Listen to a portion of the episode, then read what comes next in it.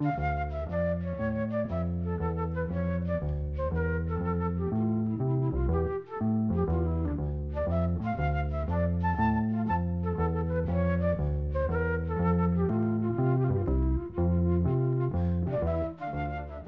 sæl. Einn merkasti frumkvöðullin úr hópi reggetónistamanna frá Jamaica, söngvarinn og lagasmýðurinn Toots Hibbert, fjall frá 11. september 2020. Hann var samtíma með Bob Marley og fórsprakki hljómsættarinnar The Mitals.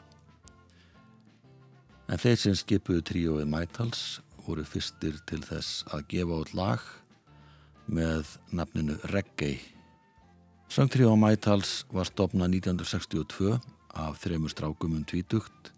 Þeir byrjuði að syngja sálasöngu á stældur Ray Charles, Sam Cooke og Otis Redding, helstu stjórnur bandariska sálatónistar. Forsangverða Mætals var Fredrik Nathaniel Hibbert sem gekk undir gelunafninu Little Toots vegna þess að hann var yngstur og minnstur sjö sískina. Þó svo að Toots væri frá Jamaica söngan gospellög í sunnundaskólinu hjá föðu sinum frá unga aldri.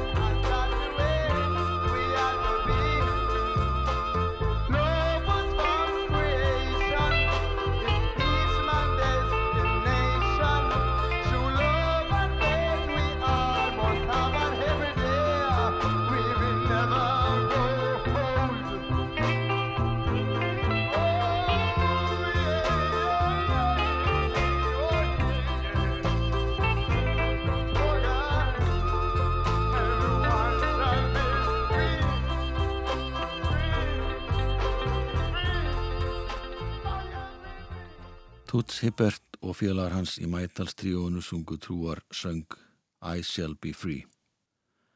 Þegar Toots var 16 ára gammal dó fadir hans og hann kventist æsku ástinni þegar hann var 18 ára gammal. Þau fluttu síðan saman í fótagrækverfi Transtown sem er í Kingston á Jamaica. Hann fekk vinnu á rakarastofu og stopnaði söng tríu og stuttu setna. Toots var sjálfgjörum forsöngvari og söng sig hásan eins og gospelsöngvara gerðu gætnan. Jerry Mathias og Roley Gordon sungum með honum og sáum að fylla í allar glöfur með bakgröðum sínum. Uppvalegt nafn þeirra var Vikings and the Mitals.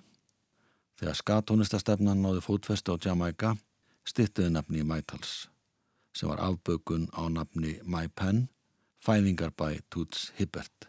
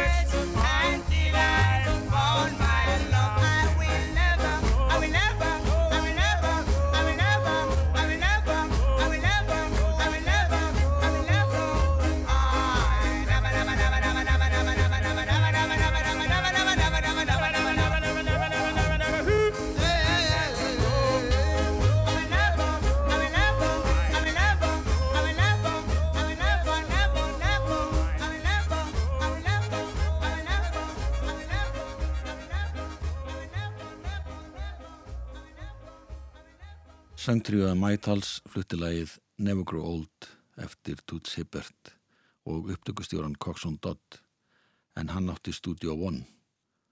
Það var fyrir tilstilli þessa manns, Coxon Dodd, að þeir öðlust vinsældir því að hann tók þessa ungu söngvar að sér árið 1964 og gaf út fjölmarga plutu með þeim.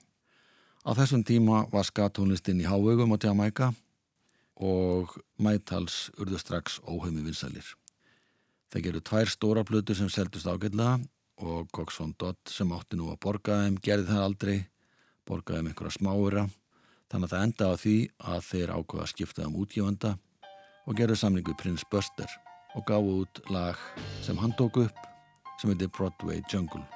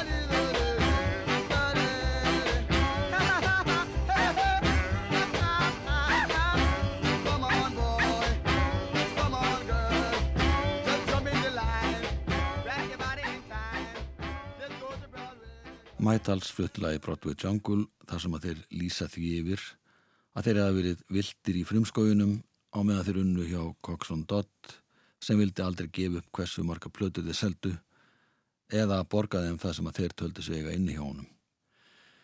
Prins Buster var reyndar engu skorri en það hafði hann starfað fyrir Coxon Dodd og lært fægið hjá honum. Þeir færðu sig þessu næst til Byron Lee sem að reyndist aðeins skorri en hinni tveir. Þeir gáðu út skífu með lögunum Daddy og It's You. Bæði lögun kom út á sömuplötunni á sikkur liðinni og fóru í efsta sæti bæði tvö sem var algjörlega einstakt á Jamaica. Við ætlum að heyra annað þessara laga. Það er eins konar dúoplag og heitir Daddy.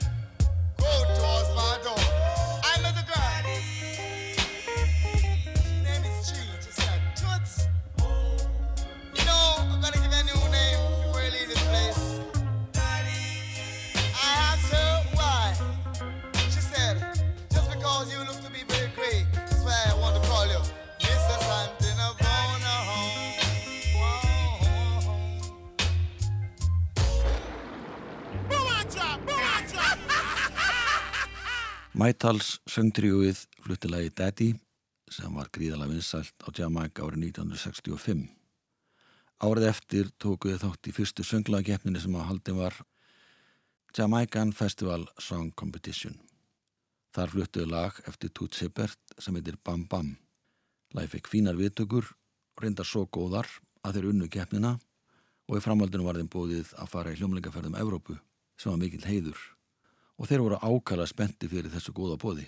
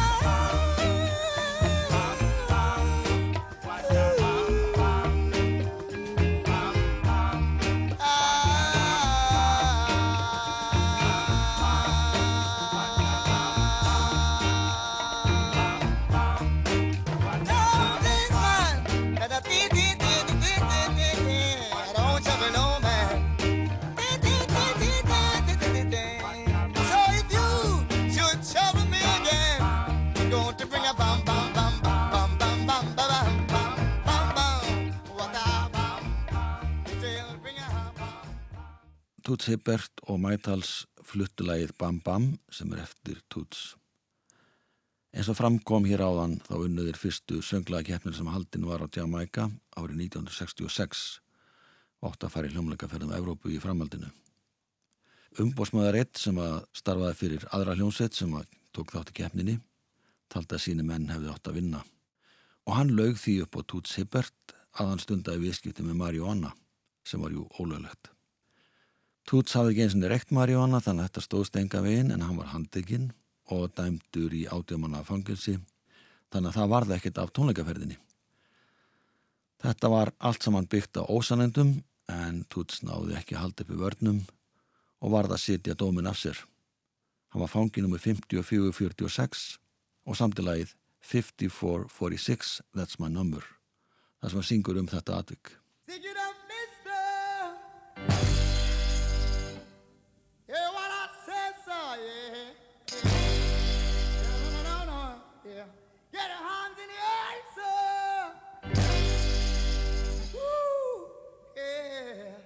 and you will get no hurt, mister. No, no, no. I said.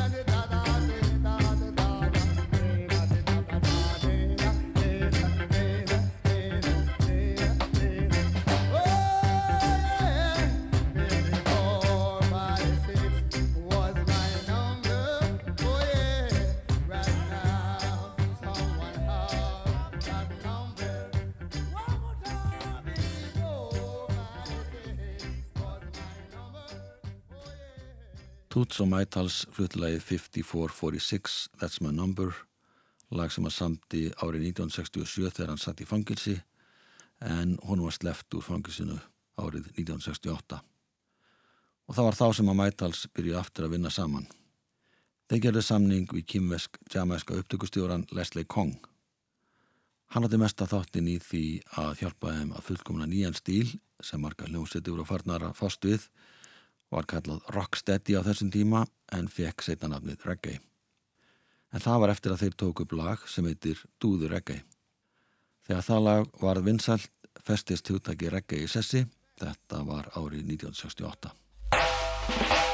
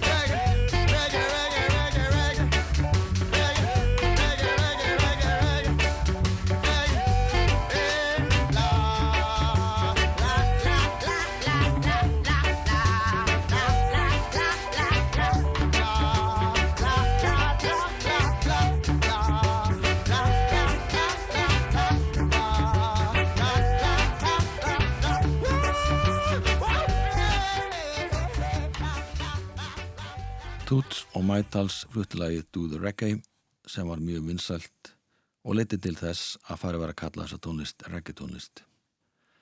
Næsta lag sem er sendu frá sér var á mörgum þess að vera skalag eða lag með sterkum áhrifum frá reggae tónlist eins og hún átti eftir að þróast.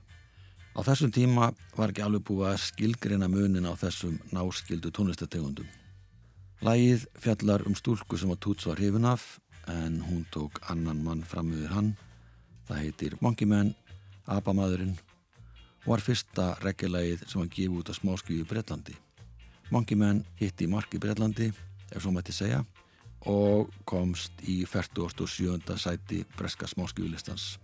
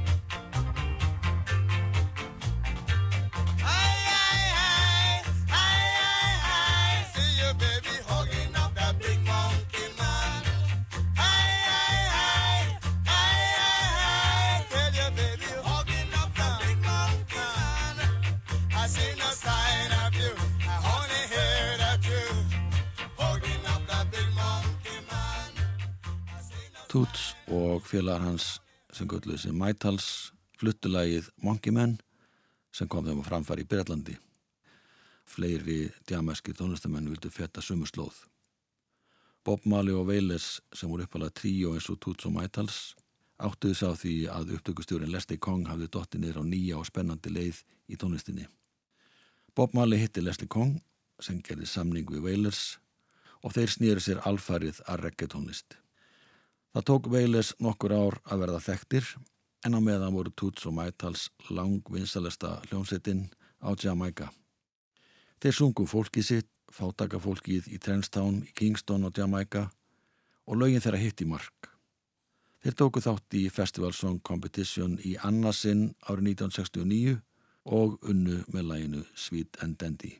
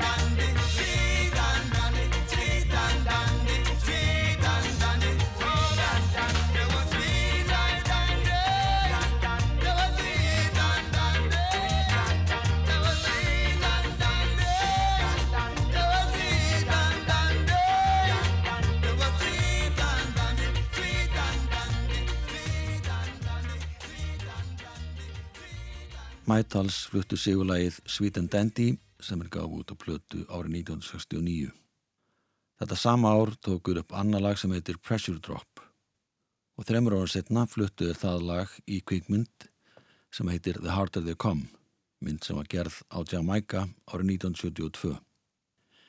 Reggae-söngvarinn Jimmy Cliff fór með hlutverk læfæðamannsins Ivanhoe Martin í þessari mynd og söng jafnfram titilægið. En þarna komu líka fram strákarnir í Mætals.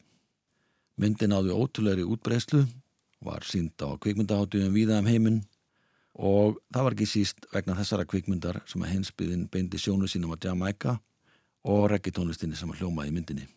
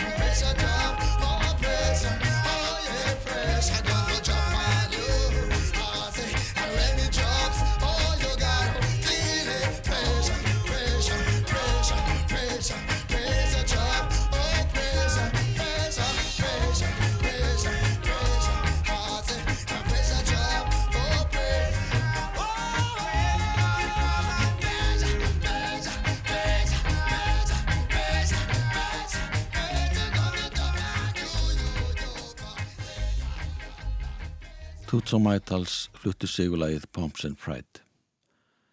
Þeir voru á þessum tíma þekktustu listamenn Jamaica en það átti eftir að breytast þegar Bob Marley og Veles slói í gegn árið 1973 á alþjóðamarkaði. Þeir voru á mála hjá bresku Island útgáðinni. Chris Blackwell, eigand Island, ólst upp á Jamaica og var eskuvinnur Toots Hibbert.